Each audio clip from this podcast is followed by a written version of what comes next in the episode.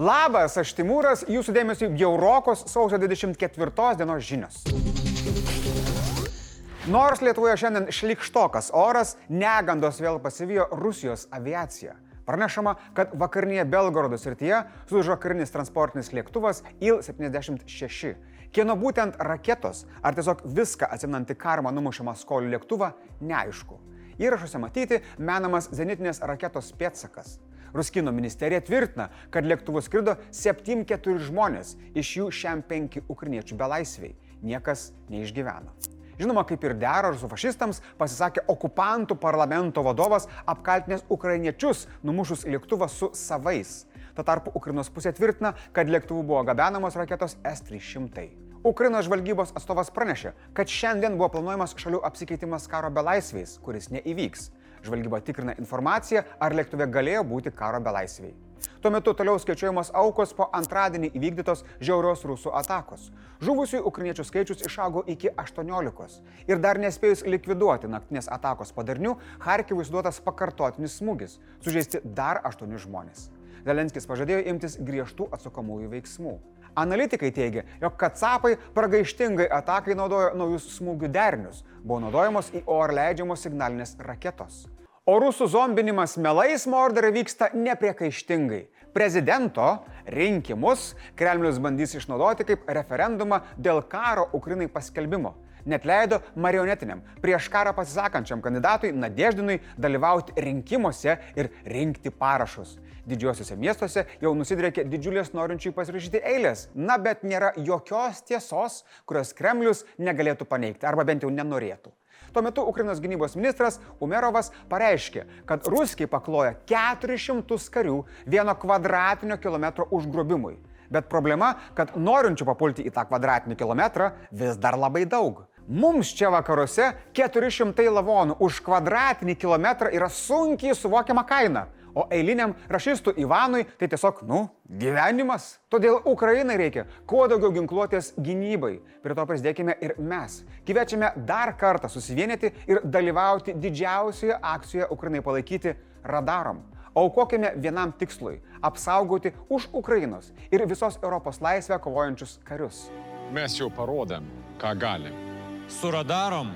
Apsaugokim kiekvieną karį. Už surinktas radarom lėšas bus perkami Lietuvoje pagaminti saugaus kario paketai. O kokią mes skambiname 1485 arba puslapį radarom.lt. Slavo Ukrainai. Dabar gerbiamukai keliamės į paslaptingą bei šaltą teismų ir bylų pasaulį. Kelionę pradėkime nuo mergaitės pagrobimų kaltinamo ir bent jau man celofanį dvoką skleidžiančio Gedimino Filipavičiaus. Kauno apygardos prokuroras pasidalijo naujausią informaciją ir Filipavičius vis dar tyli ir nedoda jokių parodymų. Tiesa, mergaitė jau apklausta, o jos parodymai reikšmingi. Domenų atskleisti dar negalima, bet tyrimas pasistumėjo į priekį. Ir nors įtariamajam Filipavičiui dar neatlikta psichiatrinė ekspertizė, o tyrimas gali plėstis, kol kas Tyrime, kuris atliekamas, yra įteikti pranešimai dėl trijų galimai padarytų nusikalstamų veikų. Kuo tiksliai Filipavičius įtariamas, neatskleidžiama. Ir kasgi gaideliui tam pamušė akelę, irgi nėra aišku. Ar asmo buvo susižalojęs, sužalotas iki nusikalstamos veikos padarimo metu, ar buvo e, na, kūno sužalomai padaryti būtent jo sulaikymo metu. Šiaip koks realiai skirtumas? Paprastai, žinot, tose garažiukuose ten sunku per tą šlamštą perlipti ir labai lengva tą zuikį ten pagauti. O kas tame garaže rasta, prokuroras neatskleidė. Viskas yra tyriama. Ir nors vyras turėjo tris ginklus, jie su tyrimu nesėjami. Per pagrobimą įtariamasis ginklais nedisponavo, nes jie buvo paimti pernai gruodį.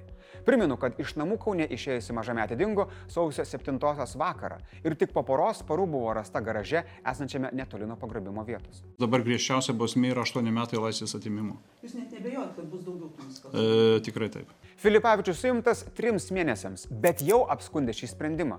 Jam nepatinka būti kalinamam, jis nori namų arešto ir intensyvios priežiūros. Na, gediminai, jau darželį mokina, kad ta košė, kurios prisiverdi, ne visada skani. Beje, šiandien nuotoliu su juo iš areštinės dar vyko ir posėdis. Tiesa, dėl kitos bylos. Filipavičius ginčyje jam policijos skirta 85 eurų baudą už moters iškeikimą viešoje vietoje. Jam priklausančiame žemės sklype vyras pjovė medžius, kai kilo konfliktas su kaimynais. kaunietis važiavo tiesiai ant jį stabdyti bandžiusių kaimynų. Na, o Panevežio teismo salėje, kaip jau įprasta trečiadieniais, vėl atversta seksualiniais nusikaltimais prieš nepilnamečius kaltinamo buvusio Seimo nario Kristijono Bartoševičiaus byla. Šiandien liudyja aštuoni nukentėjusiųjų vaikų atstovai. Pirmoje posėdžio dalyje buvo apklausti vieni nukentėjusiojo tėvai.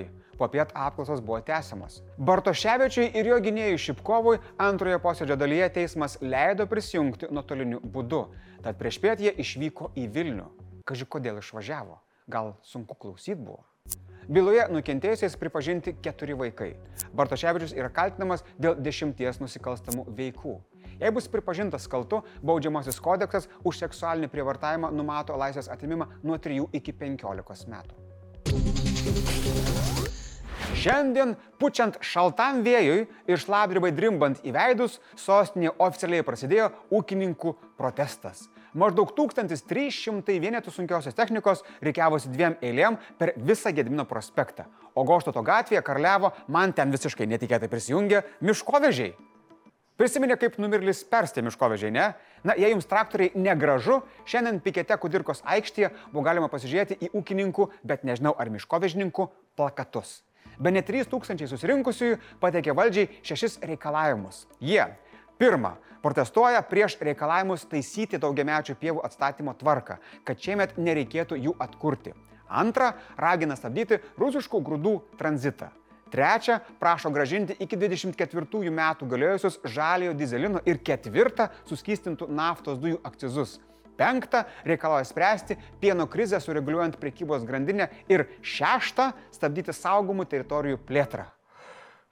Nors ūkininkai nėra patenkinti ministerija ir ministru sakė, kad Mūsų tikslas yra išspręsti problemas, nesiakcentuojant į kažkokį asmenį, politiką. ant piketo scenos lipo ir pats žemės ūkio ministras Navickas. Nors jis dar vakar pranešė, kad iš Europos komisijos išgirdo pažadą padėti spręsti pievų atkūrimo problemą, jam teko klausyti susirinkusių išvilpimo. Ir jis ne tik gavo dovanų makaronų, Ir visiems kabinat makaronus. Tai va, makaronų jums irgi dovanų. bet ir riksmų, kad tuos makaronus kabina. Ai, tu savo, nesueina navisko ir ūkininkų biolokai. Nesueina. Štai aplinkos ministras Gentvilas ūkininkams sako, kad jų problemos yra girdimos bei ragino kartu ieškoti sprendimų. Tačiau ūkininkų jam įtikinti nepavyko. Protesto organizatorius neatmeta galimybės, kad dar kartą grįžtų į sostinę. Sakyčiau, prašom, prašom, svetingai priimsim, bet atsakomąją akciją ūkininkams surengė žalieji, kurie ragino vyriausybę nedaryti kompromisų gamtos sąskaitą. Ūkininkai juos vadino pseudo paukštelių mylėtojais. Tai va čia aš ir nesupratau, kas buvo pseudo - paukšteliai, mylėtojai ar meilė paukšteliams. Nes jeigu ūkininkas gamtos nemyli, tai čia žinokit kažkas labai rimtai sugedo. Beje, 18 val. ūkininkai traktoriuose įjungė švyturelius. Tai esą diskoteka miestiečiams. Na tik vienas dar iki pietų prisidiskotekino. Policija iš mitingo išvežė neblaivų asmenį. Na, kad traktoristas girtas, stebinti nieko neturėtų, man įdomiau, kodėl traktoristas gėrė. Darbo metu praktiškai. Parašykite komentaruose savo versiją. Labai įdomu bus paskaityti. Pasikūrėm. Blitz naujienos. Po daugiau nei metų dėlsimo Turkijos parlamentas pritarė Švedijos narystei NATO.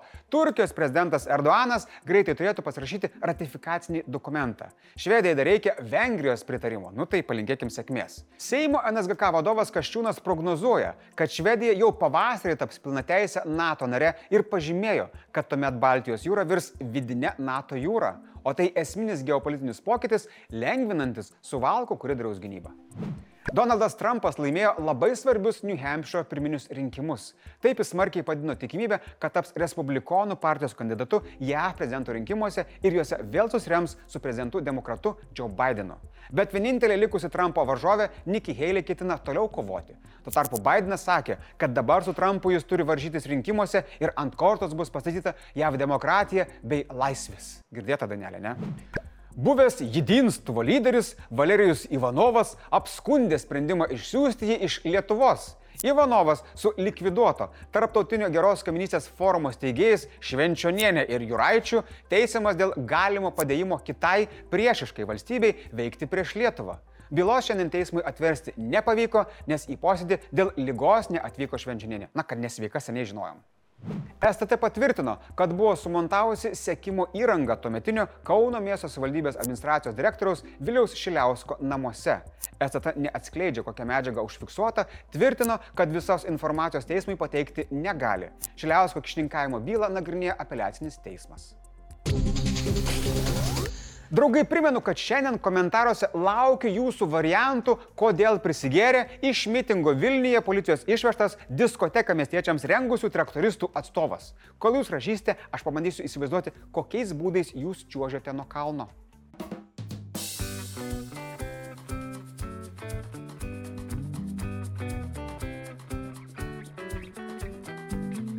Komentarų apžvalga. Nu ką, draugai, vakar komentaruose ir palaikėt ūkininkus, sakydami, va kaip Mindaugas Jurgaitis, kad reikia palaikyti, kas jei ne patys atstovės savo interesus. Ir lygiai tiek pat jūsų nepalaikė ir ypač užkliuvo blizgantis traktoriai. Kaip pastebėjo Jolopukį, jokingiausi tai užrašai ant blizgančių traktorių banko nusavybė iki 2027. Nu ir ką?